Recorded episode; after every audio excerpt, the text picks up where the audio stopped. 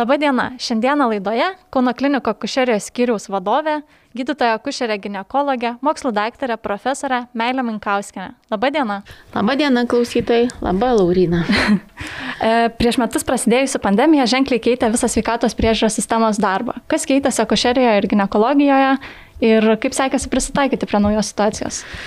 Na, keitėsi ne tik tai darbas medicinoje, bet turbūt ir visose gyvenimo srityse, ir socialinėse, ir, ir būtinėse mūsų, tai be abejo ir e, akušerė gynekologija nebuvo išimtis ir jeigu anksčiau, prieš penketą metų mes kalbėjom turbūt, kad svarbiausias dalykas yra psichologinis palaikymas nešiosios, artimųjų buvimas šalia. Tai šiuo laikotarpiu buvo sudėtinga, nes būtent psichologinio artimųjų palaikymo teko joms mažiau ir didžiąją dalį tų palaikytojų sudarė mūsų medicinos personalas.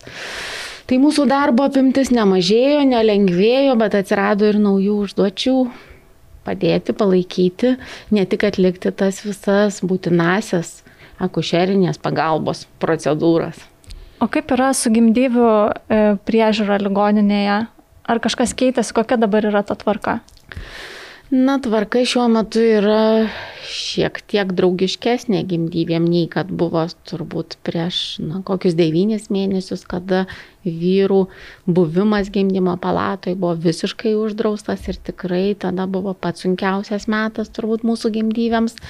Dabar vyras ar vienas artimasis gali būti šalia gimdyvės gimdymo metu, tačiau po po gimus vaikeliui vis dėlto galimybė lankyti kitiem artimiesiems, būti vyru yra ribota.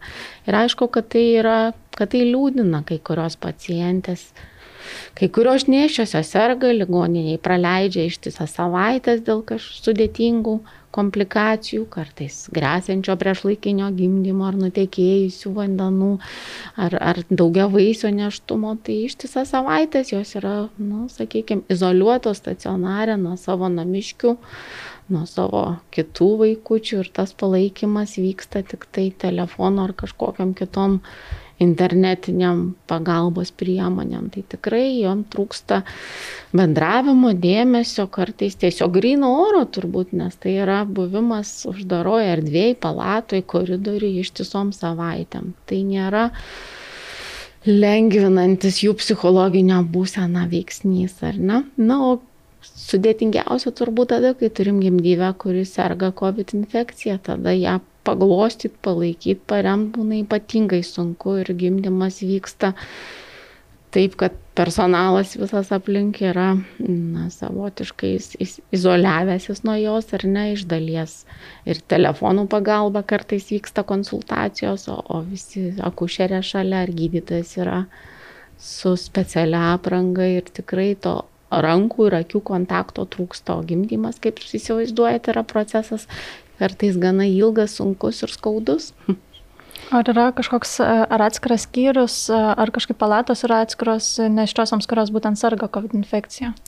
Yra atskiros palatos izolacinės, operacinė ir gimdymo palata skirtos infekuotom pacientam. Viskas yra pagal epidemiologinius reikalavimus, izoliuojant maksimaliai, saugant visas kitas mūsų pacientės.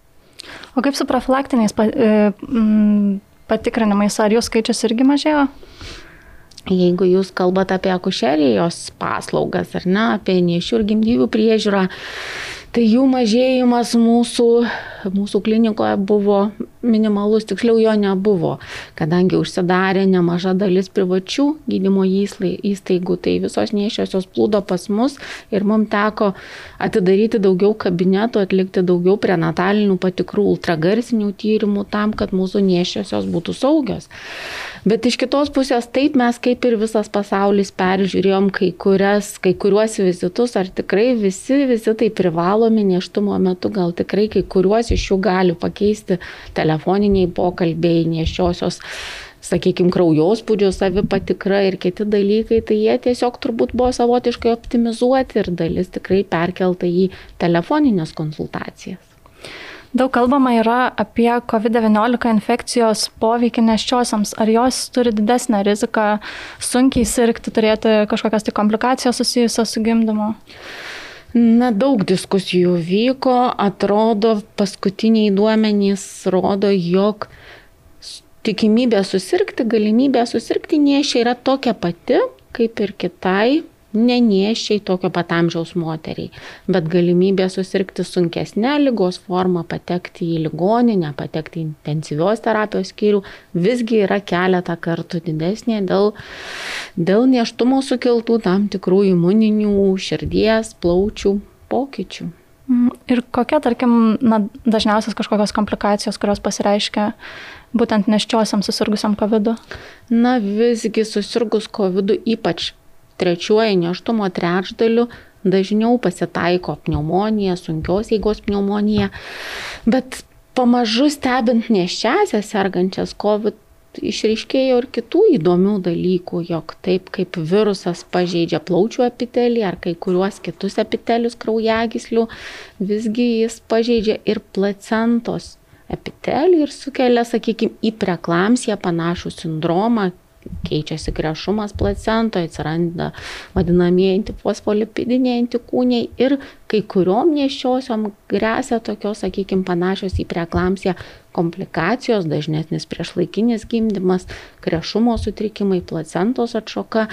Tokios komplikacijos labai retos, bet jos pasitaikančios, mus gazdinančios ir tie atvejai tikrai yra labai įsimenantys. Taigi vaisiaus būklės pablogėjimas, priešlaikinis gimdymas pasitaiko šiek tiek dažniau. O ar susirgusi neščioji COVID-19 infekcija, ar gali tą infekciją perduoti naujagimiai? Labai retai. Pradžiai manėme, jog visiškai nepasitaiko tokių atvejų, visgi daugėjant tyrimų, daugėjant testavimų, manoma, kad apie 2-3 procentams naujagimių infekcija yra perduodama ir dažniausiai jinai yra besimptomė. O kaip yra su pokovidiniu sindromu? Ar, ar dažnesnis jis yra, tarkim, neščiųjų grupėje, ar kažkoks sunkesnis galbūt, kaip, kaip yra su nešiosiam? Na, šitas klausimas tikrai dar neatsakytas ir nepalygintas, tikrai neturim tokių ilgalaikių stebėjimo duomenų. Bet iš klinikinės praktikos galiu pasakyti, jog tikrai turėjom neščiųjų, kurios sirgo sunkia pneumonija, su, su degonės poreikiu, ilgai praleido mūsų ligoniniai. Ir po dviejų, trijų ar keturių mėnesių atvykę gimdyti, jos skundėsi vis dar didžiuliu silpnumu, dusuliu ir sakė, jog gimdyti bus sunku ar labai sunku. Tikrai tai yra, tai tęsiasi, bet palyginti su, su neneščio moterim kol kas negalėčiau. O gal turėtumėt kažkokių pavyzdžių, na, tarkim, kažkokių sunkesnių klinikinių atvejų, kuriuos e, teko gydyti, turėti vat, ligoninėje? Na, pačios COVID lygos, kaip plaučių uždegimo, kvėpavimo funkcijos nepakankamumos, pačių sunkiausių formų nešiųjų ir neturėjom. Bet tikrai buvo keletas tokių atvejų, kur visiems mums įsirėžė į atmintį nes net nebejojam, kad tos komplikacijos buvo labai glaudžiai susijęs su COVID infekcija. Na, buvo tokie atvejai, dėja vienas labai mums liūdnas, kai vienas vaisius žuvo moteriai, kuri turėjo visai silpnus COVID simptomus ir atrodo, jog sveiko, tik jos krešumas buvo sutrikęs taip, jog staiga atšoko placenta ir vaisius žuvo per keletą valandų. Mums nepavyko jo išgelbėti, o Cezario pjūvio operacija irgi buvo labai sudėtinga su didžiuliu, beveik 3 litrų kraujo netekimu, masyvom transfuzijom ir tą moterį pavyko išgelbėti tik labai didelio mūsų ir sutelkto nu, komandinio darbo dėka, perpilant daugybę kraujo pakaitalų ir taip toliau. Buvo ir kitų atvejų, kai staiga pablogėdavo vaisiaus būklė ir dažniausiai tai netgi buvo tada, kai pačios moters savijauta yra gana gerai ir simptomų jinai beveik neturi, tik kraujai stebim tokius gana tipinius būdingus COVID įkrešumo pakitimus ir visai netikėtai šalia to matom blogėjančią vaisiaus būklę. Tai bėgome ir 32 savaičių operuoti, nešė ją 26 savaičių dvynius, praeitą savaitę vos suspėjom išgelbėti atšokus placentai. Vėlgi moteris pateko į ligoninę, besijausdama visiškai gerai, esant teigiamai COVID infekcijai ir krešumo sutrikimams. Tai va, tokių atvejų pasitaiko. Retai vėlgi turbūt susijęs su kažkokia genetiškai nulemta kažkokia vienų ar kitų moterų reakcija į tuos krešumo pokyčius. Tai visgi vis turim būti labai dėmesingi. O kokie galėtų būti, na, tokie signaliniai požymiai, simptomai, kuriuos, vat, pastebėjus nešioji turėtų kreiptis į gydymo įstaigą? Na, aišku, vaisiaus judesių susilpnėjimas, turbūt tai, ką ji gali pastebėti. Na, labai gerai, kai sirgdamos neišiosios ir turi galimybę namuose matuotis kraujo įsotinimą deguonimi. Vėlgi turim pacienčių, kurios matuoja, serga, pastebi visai turbūt tokius retus ir mažai juntamus kraujo įsotinimo sumažėjimus, kurie gali atsiliepti vaisiaus būklę ir laiko atvyksta į ligoninę. Turėjom irgi tokių pacienčių, kai, kai teko pradėti degonės terapiją būtent dėl to, kad padėtų ir vaikučiai jaustis gimdoje gerai, nors pati mama sąlyginai dusulio ir, ir kvepavimo trūkumo nejautė. O kokios yra šiuo metu rekomendacijos dėl skiepų neščiosioms? Vėlgi, mūsų rekomendacijos keičiasi. Net ne savaitėmis, ar kartais dienomis kai tik pradėjome vakcinaciją Lietuvoje, kaip ir kitose šalyse, buvom ypatingai atsargus.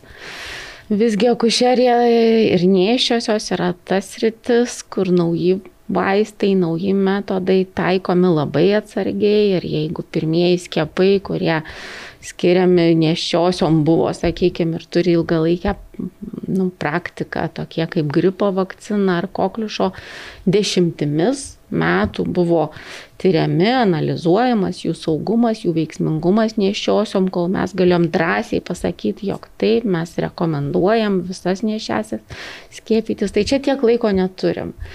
Nešiosios nebuvo įtrauktos į COVID vakcinų tyrimus, bet atsirado pastojusių moterų tie duomenys pradėti rinkti, gana plačiai vakcinuojamos nėščiosios Junktinėse Amerikos valstijose ir Didžiojoje Britanijoje, taip kad jau turim sukauptų duomenų, kurie rodo, jog vakcinacija yra tokio pat saugumo kaip ir bendroji populiacijai. Netrodo, kad nėščiosiom būtų kitokių komplikacijų, dažnesnių komplikacijų rizika, tiek, sakykime, karščiavimas ar, ar kažkokie kraujo krešumo pakitimai, tiek akušerinių komplikacijų, sakykime, priešlaikinio gimdymo, persileidimo, vaisiaus apsigimimų. Todėl šiandien mes jau žymiai drąsiau siūlom vakcinaciją neštumo metu, individualiai aptarus, įvertinus riziką, kurią turi individuali neščioji pagal jos gyvenimo būdą, darbo pobūtį, gretutinės ligas, ji gali rinktis ir mes manom, jog tai yra saugu. Bet aišku, ilgalaikių duomenų e, vakcinuotų mamų vaikučių, augančių vaikučių sveikatos palyginimo duomenų mes kol kas neturime.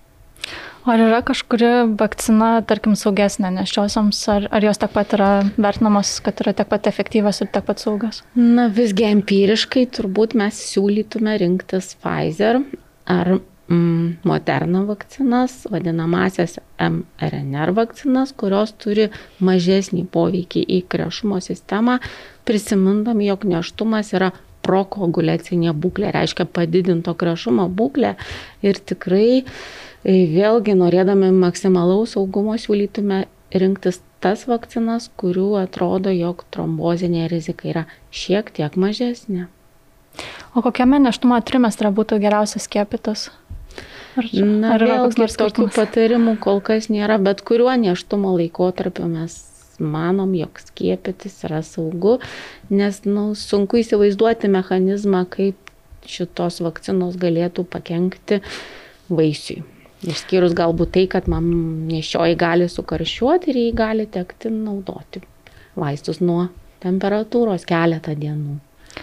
O kaip tarkim yra su moterimis, kurios yra persirgusios COVID-19 infekcija ir na, turi kažkokį kiekį antikūnių, ar atsižvelgiate tą antikūnių kiekį prieš skiepijimą, tarkim, jeigu turi antikūnių, ar tai reiškia, kad jos gali nesiskiepyti? Standartinės tos pačios taisyklės galioja kaip ir bendroji populiacijoje. Mes rekomenduojam vakcinuotis ir po persirktos lygos praėjus tam pačiam laikotarpiu. Internete taip pat sklinda nemažai melagienų apie e, vakcinas apskritai, e, ypač COVID-19 vakcinas ir apie jų poveikį vaisingumui. O ką sako iš tikrųjų moksliniai tyrimai? Na vėlgi kilo tokios diskusijos tikrai ir melagienų formai, sakykime, bet jos buvo bandytos patikrinti ir tyrimais, moksliniais tyrimais tikrai bandyta pasižiūrėti, sakykime, visai nemažoj grupiai moterų, kuriuoms taikomi dirbtinio apvaisinimo būdai po vakcinacijos, ar rezultatas yra kitoks. Ar sėkmingiau pastoja, ar sunkiau pastoja e, po stimuliuotų ovulacijų, kai pasikeičia kiaušidžių rezervas po vakcinacijos ir tyrimai rodo, jog niekaip iš tikrųjų vakcina neturi efekto kiaušidės audiniui, jo atsakui, ovulacijai, implantacijai, endometriumo gebėjimui implantuoti po vakcinacijos. Žodžiu, turim tyrimų, kurie sako, kad taip, taip tai yra melagiena. E, iš tikrųjų būtų labai įdomu išgirsti, ar pastaraisiais metais pandemijos metais, ar gimstamumas vis tik didėjo, mažėjo ar ne kita.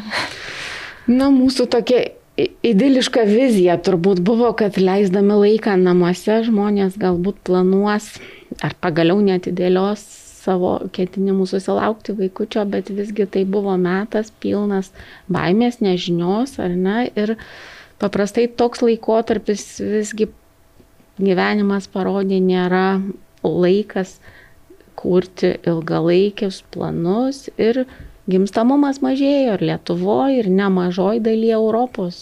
Lygiai tokias pat tendencijas pastebėjo ispanai, prancūzai, ypatingai italai, kur, kur pandemija buvo tikrai skaudi, ar ne, šiek tiek mažiau tų tendencijų ir netgi vos vos kai kurios šalys pastebėjo augantį gimstamumą, Holandai, Švedai, Suomiai, ten tas efektas nebuvo pastebimas, na, o kiek domėjausi, tai kai kuriuose Azijos šalyse visgi padaugėjo gimimų pandemijos sąlygom ir, ir tai paaiškinama, kad ko gero buvo ir kontraceptinių priemonių trūkumas kai kur. Mhm.